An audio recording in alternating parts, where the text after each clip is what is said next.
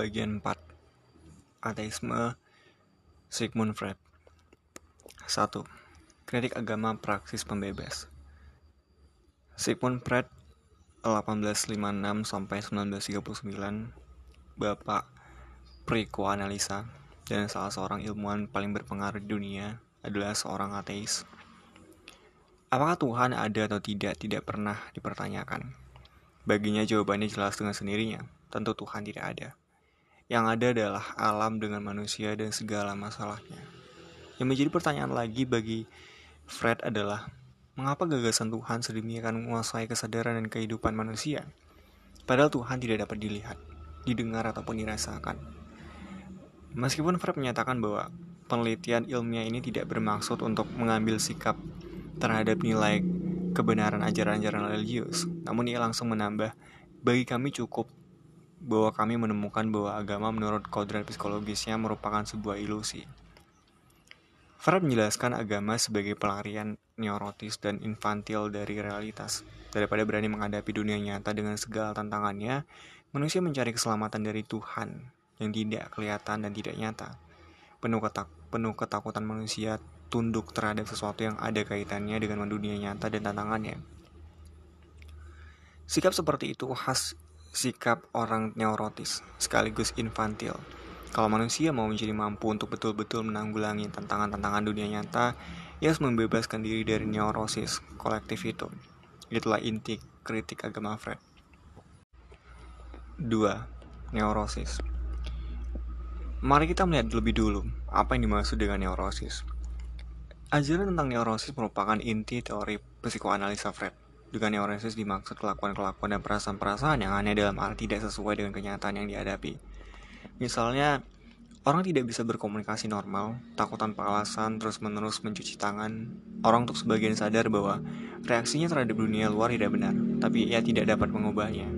Menurut Fred, neurosis bisa menjadi bisa terjadi apabila orang bereaksi tidak benar atas sesuatu pengalaman yang amat emosional dan memalukan. Misalnya sebagai anaknya pernah diperkosa. Karena merasa amat malu ya waktu itu langsung menyingkirkan kejadian itu dari ingatannya. Seakan-akan tidak ada yang pernah terjadi. Tetapi rasa malu yang tertekan seakan-akan ribut terus dalam bagian jiwa tak sadar dan sesudah waktu tertentu akan muncul kembali permukaan kesadaran sebagai suatu kelakuan yang aneh yang tidak dapat diatasinya. Karena kelakuan itu tidak berkaitan dengan pemerkosaan itu, ia tidak tahu apa yang menyebabkannya. Neurosis itu menyebabkan ia tidak bisa mengembangkan diri secara dewasa. Selama neurosis itu tetap tidak disembuhkan, ia tidak mampu hidup secara biasa. Menurut Fred, neurosis itu berkaitan dengan superego. Superego membonceng pada suara hati. Dalam superego, norma-norma ayah dan masyarakat pada umumnya dibatinkan artinya batin orang sendiri sekarang menyuarakan larangan ayah dan masyarakat. Seakan-akan suara ayah terus berkumandang dalam kesadaran kita. Setiap kali orang mau mengambil sikap yang dilarang oleh norma-norma moral yang sudah dibatinkannya, superego akan menegur dengan keras. Celakanya superego tidak hanya menegur kalau misalnya orang melakukan tindakan seks yang tidak boleh, melainkan superego sudah menegur begitu ada rangsangan seks terasa padahal ia belum mengambil sikap. Untuk menghindari teguran superego, orang yang bersangkutan menekan perasaan itu seakan-akan tidak ada yang terjadi. Seharusnya ia dengan tenang mengakui bahwa ia terangsang secara seksual lalu membuat penilaian bagaimana ia seharusnya menghadapi rasakan itu, kemudian bertindak sesuai dengan penilaiannya. Nah, tidak mengakui adanya emosi-emosi yang terlarang superego, padahal ia belum mengambil sikap, itu yang dapat menghasilkan neurosis. Untuk membebaskan pasien dari neurosisnya, psikoanalisa membantunya untuk mengambil dua langkah. Pertama, agar pasien berani mengingat kembali peristiwa yang justru dilupakan karena terasa begitu memalukan. Kedua, agar ia daripada mau menyingkirkannya dari ingatannya, mengambil sikap rasional terhadapnya. Penyebab neurosis paling penting menurut Fred adalah kompleks Oedipus. Anak kecil laki-laki ingin kawin dengan ibunya tapi tidak bisa karena ibu sudah dimiliki ayahnya maka ia ingin membunuh ayahnya. Saingannya itu yang sekaligus dikagumi keperkasaannya. Namun karena keinginan itu ditegur keras oleh superego sebagai buruk dan memalukan, ia tidak menanggapinya, melainkan menyangkalnya, dan penyangkalannya itu dapat menghasilkan neurosis. Catatan Oedipus adalah tokoh mitos Yunani yang tanpa menyadarinya membunuh ayahnya dan lalu kawin dengan ibunya dan karena itu dikutuk oleh para dewa. 3. Agama, ilusi infantil dan neurosis kolektif. Freud bertolak dari fungsi agama. Agama membuat manusia percaya akan adanya dewa-dewa. Dewa-dewa itu berfungsi mengatasi ancaman-ancaman alam, membuat orang menerima kekejaman nasibnya dan menjanjikan ganjaran atas penderitaan dan frustasi yang dituntut dari manusia. Jadi melalui agama, manusia mau melindungi diri terhadap segala macam ancaman dan penderitaan. Namun perlindungan itu sebuah ilusi. Dewa-dewa bukannya sungguh-sungguh melindungi manusia, melainkan hanya diinginkan agar melindunginya. Dan itulah yang disebut ilusi. Keyakinan bahwa suatu harapan akan terpenuhi bukan karena kenyataan mendukung harapan itu, melainkan karena orang menginginkannya. Ilusi itu infantil, ya, maksudnya kekanak-kanakan, karena mengharapkan agar apa yang diinginkan sungguh-sungguh akan terpenuhi adalah ciri khas anak kecil. Agama membuat manusia membawa diri seperti anak kecil. Ia menghadapi masalah-masalah nyata dengan wishful thinking, dan karena itu agama justru melumpuhkan manusia. Ia mengharapkan keselamatan secara pasif dari Tuhan atau dewa-dewa daripada mencari jalan untuk mengusahakannya sendiri dan dengan demikian mengembangkan kekuatan-kekuatannya sendiri. Namun agama begitu kuat berpegangannya atas manusia karena agama dan dalam pandangan Fred bukan hanya sebuah kekeliruan, Mengharapkan penyelamat yang tidak pernah akan datang karena memang tidak ada, melainkan merupakan sebuah neurosis kolektif. Kata kolektif memaksudkan bahwa apa yang mau dikatakan Fred bukannya bahwa setiap orang beragama secara individual mesti sakit se secara neurotis dalam arti klinis. Individu biasanya beragama karena ia menjadi besar mengalami sosialisasi dasar dalam masyarakat yang sudah beragama, maka ia mempercayai dan menghayati agamanya sama seperti ia mempercayai dan menghayati semua unsur lain pandangan dunia masyarakatnya. Akan tetapi sebagai gejala sosial, agama menunjukkan persis ciri-ciri sebuah neurosis. Neurosis agama sekelompok orang. Orang beragama menjalani agamanya supaya selamat, tetapi tentu dengan pengandaian bahwa tidak ada Allah. Sebenarnya agama sama sekali tidak menyelamatkan manusia dari berbagai malapetaka. Orang melakukan berbagai perintah agama dan tidak berani melakukan hal-hal lain yang disebut dosa. Bukan atas dasar pertimbangan rasional, melainkan karena takut dihukum Allah. Allah adalah ayah super yang sekaligus dicintai dan ditakuti. Manusia beragama menyikapi dorongan dan keinginan-keinginan dirasakannya bukan berdasarkan pertimbangan yang masuk akal, melainkan karena dilarang Tuhan.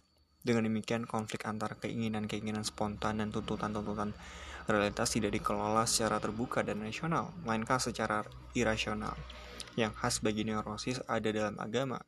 Perasaan takut berlebihan apabila hukum Allah dilanggar. Orang beragama selalu takut jangan-jangan ia berdosa, lalu masuk neraka. Ia suka berfokus pada aturan ritual yang teramat mendetail dan hal absah atau tidak absah. Orang beragama tidak mampu untuk menikmati sesuatu tanpa takut berdosa. Dengan demikian, agama menggagalkan kemungkinan manusia untuk mengembangkan diri dan untuk mencapai tingkat kebahagiaan yang sebenarnya dapat saja tercapai. Asal-usul agama dijelaskan Fred dalam tulisannya dengan sebuah cerita termasyur. Dalam gerombolan asli manusia, terdapat seorang ayah super yang mempunyai monopoli atas semua perempuan. Hal itu menimbulkan rasa iri dan kebencian anak-anak laki-lakinya. Maka mereka membunuh ayah mereka, tapi mereka tetap juga mengagumi ayah yang mereka bunuh itu dan ingin menjadi perkasa seperti dia. Maka mereka mengambil alih semua peraturan dan larangannya sebagai aturan hidup mereka. Ayah sendiri disimbolkan dalam totem Totem adalah sebuah patung atau benda simbolis di dalamnya. Mereka meyakini kekuatan almarhum ayah itu tetap melindungi mereka. Maka lahirlah agama sebagai sistem peraturan yang apabila ditaati dengan persis menjamin perlindungan ayah super, yaitu Tuhan. Agama menurut Fred berasal dari konflik Oedipus pertama. 4. Tanggapan Kiranya tidak dapat disangkal bahwa dalam lingkup agama-agama ada gejala-gejala yang berkesan neurotik. Gejala-gejala itu dapat diamati baik pada kelakuan individu-individu beragama maupun dalam berbagai ajaran dan budaya resmi beberapa agama.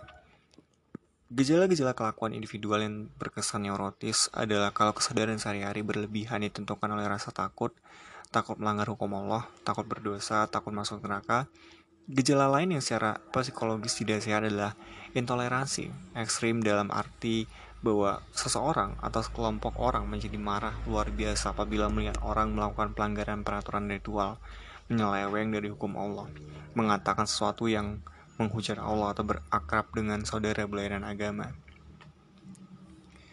Secara sistematik, kita dapat bicara tentang gejala-gejala neurotik apabila agama, ajarannya atau perhatian yang diberikan melalui khotbah dan sebagainya secara tidak proporsional berfokus pada ritus, lebih-lebih yang menyangkut absah tidaknya. Tekanan berlebihan pada kebersihan ritual selalu berfokus pada hal dosa dan neraka, atau apabila segenap tetek bengek kehidupan mau diatur menurut agama. Pada umumnya berlaku makin himbauan pada nalar, kebaikan dan tanggung jawab umat tersingkir oleh pertimbangan sah atau tidak sah, boleh atau tidak boleh, makan tidak sehat, budaya atau suasana sosial umat beragama itu. Nuansa neurotis kelihatan apabila ada banyak unsur kompulsif, entah karena kesadaran individualnya, entah karena memang itulah fokus dominan ajaran agama, orang terus merasa wajib ini, terlarang itu. yang semakin tidak berani dan tidak mampu memakai nalar dan rasa tanggung jawab sendiri. Orang beragama lantas berkesan suram. Tidak bisa berhumor, jarang tertawa di mana-mana, melihat dosa, takut bersentuhan dengan orang-orang kafir dan sebagainya. Orang itu juga semakin pasif, tidak mengembangkan diri, tidak berani menghadapi segala macam tantangan secara terbuka. Pengaitan keagamaan seperti itu memperlihatkan bahwa kehidupan beragama memang berada dalam bahaya digerokoti oleh paham-paham dan perkembangan yang neurotis. Itu terutama terjadi apabila penghayatan individual atau tekanan dalam agama itu sendiri terlalu ditentukan oleh perasaan takut. Tetapi dari kemungkinan itu tidak dapat ditarik kesimpulan bahwa ciri-ciri mirip neurosis kompulsif itu merupakan hakikat agama dan bahwa beragama merupakan sikap yang irasional dan infantil. Empat pertimbangan dapat dikem dikemukakan di sini. Pertama, Ternyata ada banyak orang religius yang tidak menunjukkan tanda-tanda neurotik sama sekali.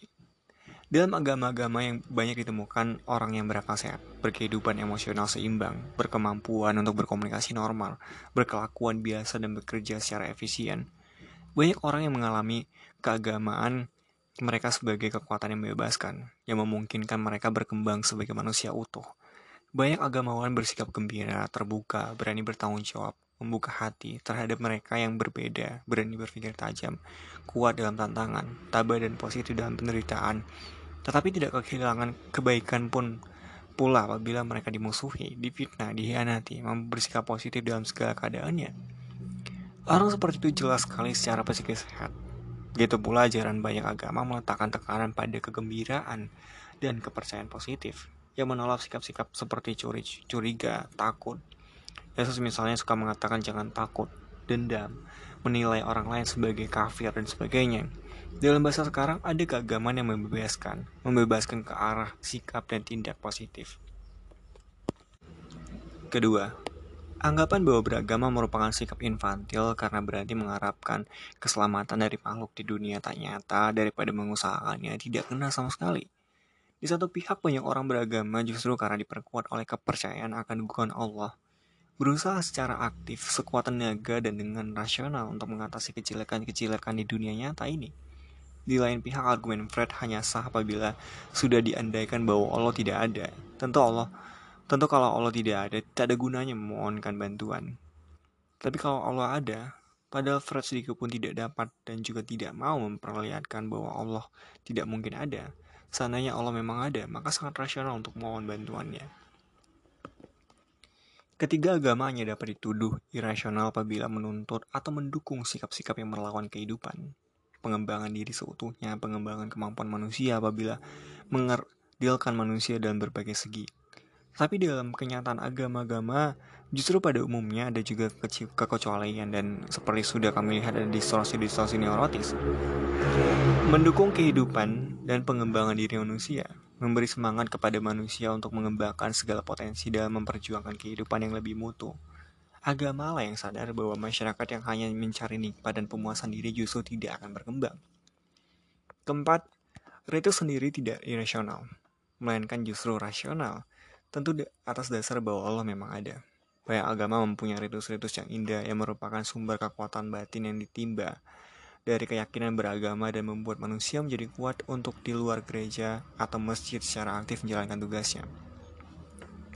Memang benar apabila dalam suatu agama perhatian secara eksklusif difokuskan pada ritus, dan dalam ritus pada pertanyaan apakah upacara yang dilakukan sah atau tidak sah, kehidupan yang beragama, umat yang bersangkutan bisa menjadi sempit, infantil, dan neurotis.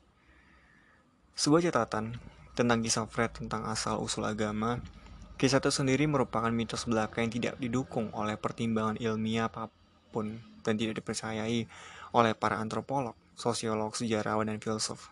Bahkan Fred sendiri menyatakan ragu-ragu tentangnya. Ia juga bingung bagaimana mau menjelaskan adanya kepercayaan akan dewi perempuan purba. Rupa-rupanya karena bagi Fred agama secara a priori tidak mungkin betul. Ia terbawa oleh khayalannya sendiri. Pertanyaan paling mendasar, apakah tidak mungkin bahwa memang ada realitas di luar dunia kasat mata yang disebut Tuhan? Tidak pernah diajukan oleh Fred.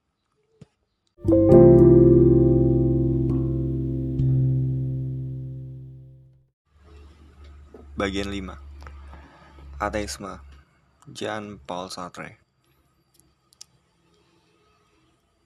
Jean Paul Sartre 1905 sampai 1980 lebih mirip dengan ateisme Nietzsche daripada dengan ateisme Verbas dan Fred. Ateisme merupakan unsur kunci dalam pemikiran Sartre.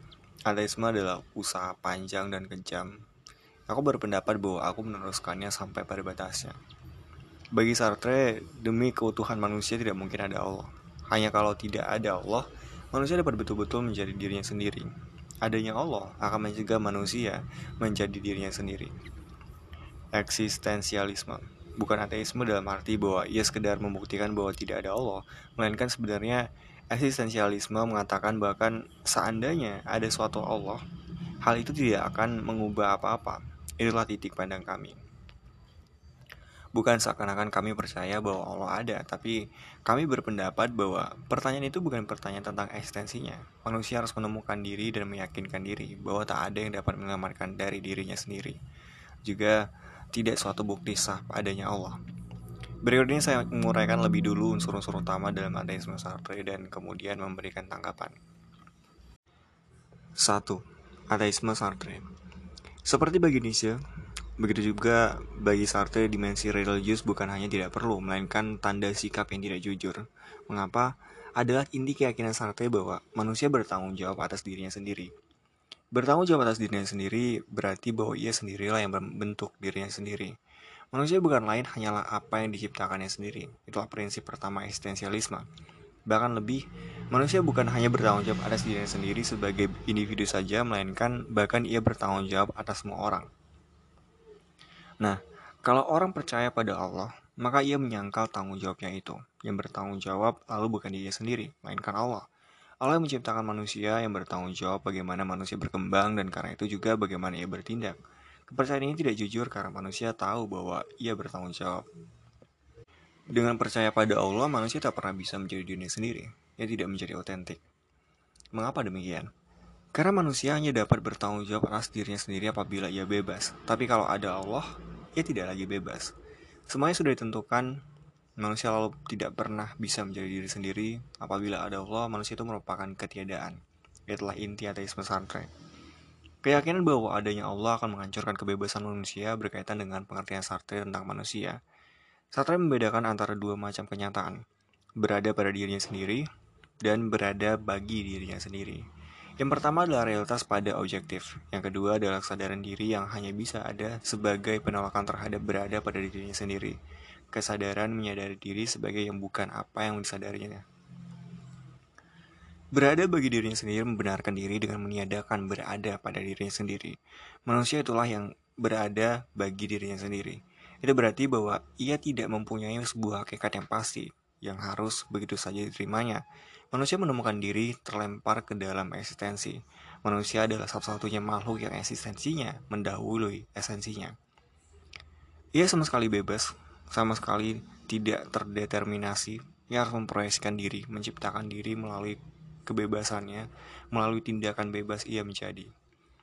Jadi manusia tidak mempunyai sesuatu padanya ia dapat bersandar. Tak ada hakikatnya, tak ada moralitas objektif padanya, ia dapat mencari orientasi. Tak ada baik buruk objektif padanya, ia dapat mengambil arah. Karena itu, manusia merasa terbebani oleh kebebasannya. Ia takut, ia ingin berada pada dirinya sendiri. Hal mana akan berarti bahwa ia melepaskan kekhasannya sebagai berada bagi dirinya sendiri. Menerima sesuatu di luarnya sebagai dukungan berarti mengkhianati dirinya sendiri terperangkap dalam ketegangan itu antara kekhasannya sebagai kesadaran yang harus meniadakan realitas objektif di satu pihak dan ketakutannya terhadap situasi itu di lain pihak yang merasa jijik. Kemanusiaannya terasa tanpa makna, tidak masuk akal, aneh. Sartre menyerukan agar manusia berani menghadapi situasinya yang tanpa makna itu. Jelaslah bahwa dengan pandangan tentang kebebasan radikal itu manusia akan gagal dalam usaha menemukan diri apabila ada Allah. Begitu ada Allah yang maha kuasa, manusia sendiri, manusia sendiri tidak lagi maha kuasa dalam arti bahwa ia dapat bahkan harus secara total bebas dari segala ketentuan menentukan diri. Sartre membalikkan kalimat termasyur Ivan dalam The Brothers Karamazov. Dostoyevsky menulis kalau tidak ada Allah semuanya boleh. Itulah titik tolak eksistensialisme. Memang segala apa boleh apabila tidak ada Allah. Tidak ada penentuan sebelumnya, manusia bebas, manusia adalah kebebasan. Kalau hakikat manusia adalah kebebasan total sebagai ada bagi dirinya sendiri, adanya Allah masih merupakan sebuah kerangka acuan yang tidak dapat diabaikan dan dengan demikian menurut pandangan Sartre tidak lagi bebas. Jadi karena manusia itu bebas, tidak mungkin ada Allah. Begitu pula kalau memang ada Allah, maka alam semesta termasuk manusia harus dianggap ciptaan Allah. Tetapi kalau manusia itu ciptaan Allah, Manusia tentu, memiliki kodrat tertentu, sebagaimana misalnya diandaikan dalam teori hukum kodrat. Padahal kodrat termasuk faksi, faktisitas, kenyataan yang berada pada dirinya sendiri. Jadi manusia menurut Sartre tidak mempunyai kodrat. Manusia justru harus menciptakan kodratnya, dirinya sendiri, melalui kebebasannya. Oleh karena itu, tidak mungkin ada Allah. Tambahan pula, kalau memang ada Allah, Allah harus dipikirkan sebagai baik berada pada diri sendiri maupun sebagai berada bagi diri sendiri. Yang masih merupakan dasar segala realitas objektif dan sekaligus kesadaran dan subjektivitas. Padahal dua-duanya menurut Sartre tidak dapat bersama.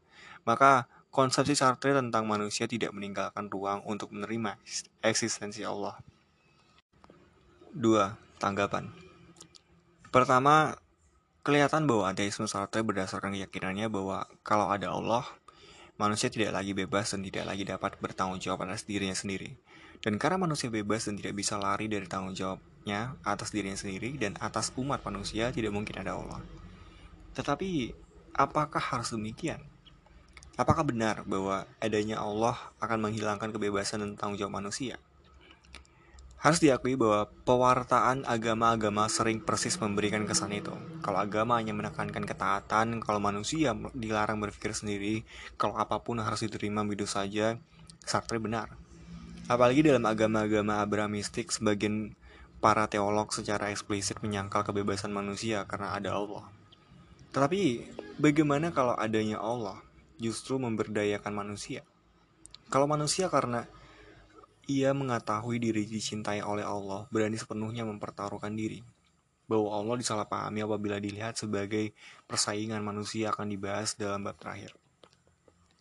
Di sini cukup dikatakan bahwa ada juga pandangan dan penghayatan terhadap Allah yang tidak melihatnya sebagai dalang yang menggerakkan kita bak wayang. Seakan-akan karena kita memang tidak dapat menggerakkan tangan kalau Allah tidak mendukungnya, maka sebenarnya Allah lah dan bukan bukan kita sendiri yang menggerakkan tangan kita. Kalau demikian hubungan antara manusia dan Allah serta benar. Tetapi Allah juga bisa dilihat menurut paradigma kasih. Sebagaimana orang yang tahu diri dicintai tanpa reserve, tanpa receive oleh se oleh seseorang justru akan mendapat harga diri yang lebih besar sehingga ia berani mempertaruhkan nyawanya dan tidak mundur dari tanggung jawab. Begitu mereka yang betul-betul menghayati Allah merasa diberdayakan olehnya, diberi kekuatan justru untuk menjadi otentik, menjadi diri sendiri. Lemparkan bebanmu pada Allah. Seruan Mazmur ini tidak mesti berarti bahwa kita lari dari memikul beban-beban kita, melainkan justru karena Allah ikut memikul, kita menjadi kuat untuk menanggung beban-beban tanggung jawab kita dengan ceria dan berani. Allah ber Allah seperti tidak Hal seperti itu tidak meniadakan manusia, dan orang dengan kepercayaan seperti itu juga tidak lari dan dari tanggung jawabnya. Ia bukan, ia bukan orang yang tidak jujur. Ia tidak berlindung di belakang kemahakuasaan Allah yang tak tertembus, melainkan dalam kesadaran bahwa ia dicintai oleh Allah. Ia berani menjalani peran yang dituntut daripadanya oleh situasi dan lingkungannya. Kedua, kita juga dapat bertanya apakah pengertian Sartre tentang kebebasan tepat. Apakah manusia bebas kalau ia berada dalam ruang yang sama sekali kosong nilai, kosong normal mengikat? Pelaku sendirilah yang menciptakan nilai menurut Sartre, di mana ia lantas berhadapan situasi objektif, memutuskan tanpa acuan apa pun, keluar dari kehendaknya yang tak mengenal keterikatan apa pun, apa yang mau dianggap bernilai dan karena itu dilaksanakan. Tentu kalau begitu adanya Allah akan menggagalkan kebebasan karena Allah, kalau memang ada bernilai mutlak. Tetapi Sartre sendiri kemudian meninggalkan pahamnya tentang kebebasan waktu ia menyatakan diri menganut materialisme dialektis, filsafat Marxisme-Leninisme yang mengajarkan determinisme. Tetapi, apakah benar bahwa manusia mengambil keputusan tanpa acuan sama sekali? Bukankah manusia selalu mengambil keputusan berhadapan dengan berbagai rangsangan, desakan, dan nilai? Dan karena rangsangan itu saling bertentangan, manusia memilih. Sartre akan menjawab bahwa nilai itu harus diciptakan sendiri oleh manusia, bahwa itulah makna kebebasan. Tetapi apakah sesuatu apa pun bernilai kalau saya memutuskan untuk menganggapnya sebagai nilai? Atau saya menganggapnya sebagai nilai, maupun menolaknya sebagai nilai, karena saya mencerap nilai itu. Adanya berbagai acuan bukannya meniadakan kebebasan, melainkan merupakan pengaandaiannya hanya berhadapan dengan berbagai hal yang bernilai dalam bahasa sederhana yang menarik yang mendesakan diri pada kita sebagai sesuatu yang merangsang. Kita dapat memilih dan memutuskan sikap yang mau kita ambil. Nilai-nilai itu bermacam-macam. Lihat misalnya pembagian nilai oleh Max Keller. Tetapi kita harus mencerap nilai-nilai itu lebih dahulu. Pak, baru kita dapat memutuskan sikap yang mau kita ambil Otonomi dan otentisitas kita tertel kita tertelak dalam menentukan diri berhadapan dengan nilai yang tertinggi. Artinya sesuai dengan apa yang kita nilai sebagai paling bagus dan bernilai. Jadi berlawanan dengan Sartre perlu dikatakan bahwa kebebasan kita justru hanya nyata karena kita berhadapan dengan berbagai kenyataan yang bernilai, masing-masing dengan kekhasan dan bobotnya sendiri. Manusia menyadari diri bebas karena kemalasannya atau ketakutannya ditantang oleh sesuatu yang disadarinya bernilai. Misalnya saja ada kenalan tidak begitu dekat sore hari mendadak minta kita ikut mendukung acara budaya bagi tukang becak. Permintaan itu menghadapkan kita dengan unsur-unsur nilai tersebut. Sebagai berikut kemalasan. Paling enak tak usah ke mana-mana. Nikmat. Setengah jam lagi mau ikut pesta. Tanggung jawab perlu persiapan akbir ujian penting malam ini kebaikan, yang tidak mau menolak teman dan mendukung kaum becak. Jadi, kebebasan itu selalu bergerak dalam medan nilai dan keterikatan di mana kita merasakannya bukan sebagai subjektivitas murni, melainkan berdasarkan berbagai kondisi atau kecenderungan objektif kodrat individual kita. Jadi, ada segala macam kondisi dan pembatasan, tetapi kondisi dan pembatasan itu justru memungkinkan kita untuk dengan bebas jadi semata-mata berdasarkan kesadaran kita sendiri mengambil keputusan yang berbobot. Demikian pula Allah yang menantang kita dengan panggilan dan tuntutannya. Justru tidak menghilangkan kebebasan kita, melainkan memberikan bobot padanya. Masalah metafisik bagaimana ciptaan bisa bebas padahal tak ada yang tidak ditentukan oleh Allah dibahas dalam bab akhir buku ini. Jadi tidak benar bahwa adanya Allah menghilangkan kebebasan kita. Allah bukan sayangan kita, melainkan acuan terhadapnya pengambilan sikap kita mendapat bobot paling mendalam. Hal yang sama berlaku bagi argumen Sartre bahwa kalau ada Allah kita diciptakan, dan itu berarti bahwa kodrat kita sudah ditentukan. Tetapi manusia bukanlah murni kesadaran dan subjektivitas saja. Manusia selalu membawa diri sendiri dengan kodratnya dalam segala-galanya. Dan hal itu tidak membuatnya kurang manusia, melainkan justru merupakan kondisinya kodrat kita di satu pihak memungkinkan kita untuk mengambil sikap. Di lain pihak merupakan kondisi terhadapnya kita mengambil sikap. Anggapan bahwa berada pada dirinya sendiri dan berada bagi dirinya sendiri harus terpisah mutlak justru tidak masuk akal. Adalah Hegel yang menguraikan saling keterikatan itu dalam The Phenomenology of Mind. Oleh karena itu argumen Sartre bahwa Allah tidak mungkin ada karena kalau Allah ada manusia punya kodrat adalah aneh. Sartre adalah korban paham ekstrim tak nyata tentang kebebasan. 3. Catatan tentang ateisme Albert Camus Albert Camus Lahir 1913 di Aljazair, wartawan yang menentang Jenderal Franco di Spanyol, membela orang-orang komunis yang ditahan 1946 di Yunani, serta para penduduk pemberontak anti-komunis 1953 di Berlin dan 1956 di Poznan dan Budapest, yang dalam perang kemerdekaan Aljazair berpihak pada penduduk Arab, tapi juga membela kepentingan orang-orang Prancis yang tinggal di situ meninggal 1960 di dekat Paris dalam kecelakaan lalu lintas. Bersikap eksistensial, eksistensialis, ia berseberangan dengan Sartre melalui pemberontakan terhadap segala macam determinasi yang mau menemukan pendasaran baru nilai-nilai moral. Bagi kamus, ciri paling dalam dunia manusia adalah absurditasnya. Dunia itu dalam dan hidup manusia di dalamnya tidak masuk akal. Dunia berjalan terus, manusia mati, pengalaman dasar manusia adalah penderitaan. Banyak daripadanya disebabkan oleh manusia sendiri. Begitu manusia menyadari hal itu, maka ia terperanjat menyadari bahwa semuanya itu absurd, tak masuk akal, aneh. Manusia harus berani bertahan dengan keanehan itu. Keabsurdan itulah bagi kamu tanda bahwa tidak ada Allah. Kalau ada Allah, tak mungkin dunia pengalaman dunia manusia itu absurd. Lalu mesti ada maksud di belakang. Masih ada rasionalitas dalam keanehan, padahal tidak ada. Maka percaya pada yang maha kuasa hanyalah akan menjadi pelarian. Ateisme kamus dengan demikian kelihatan sebagai implikasi masalah adanya penderitaan dan kejahatan dalam dunia. Penderitaan dan kejahatan itu tidak masuk akal, tidak dapat seakan-akan diperdamaikan dalam sebuah kerangka lebih luas. Maka tak mungkin dunia ini diciptakan Allah, tak mungkin kita di tangan Allah.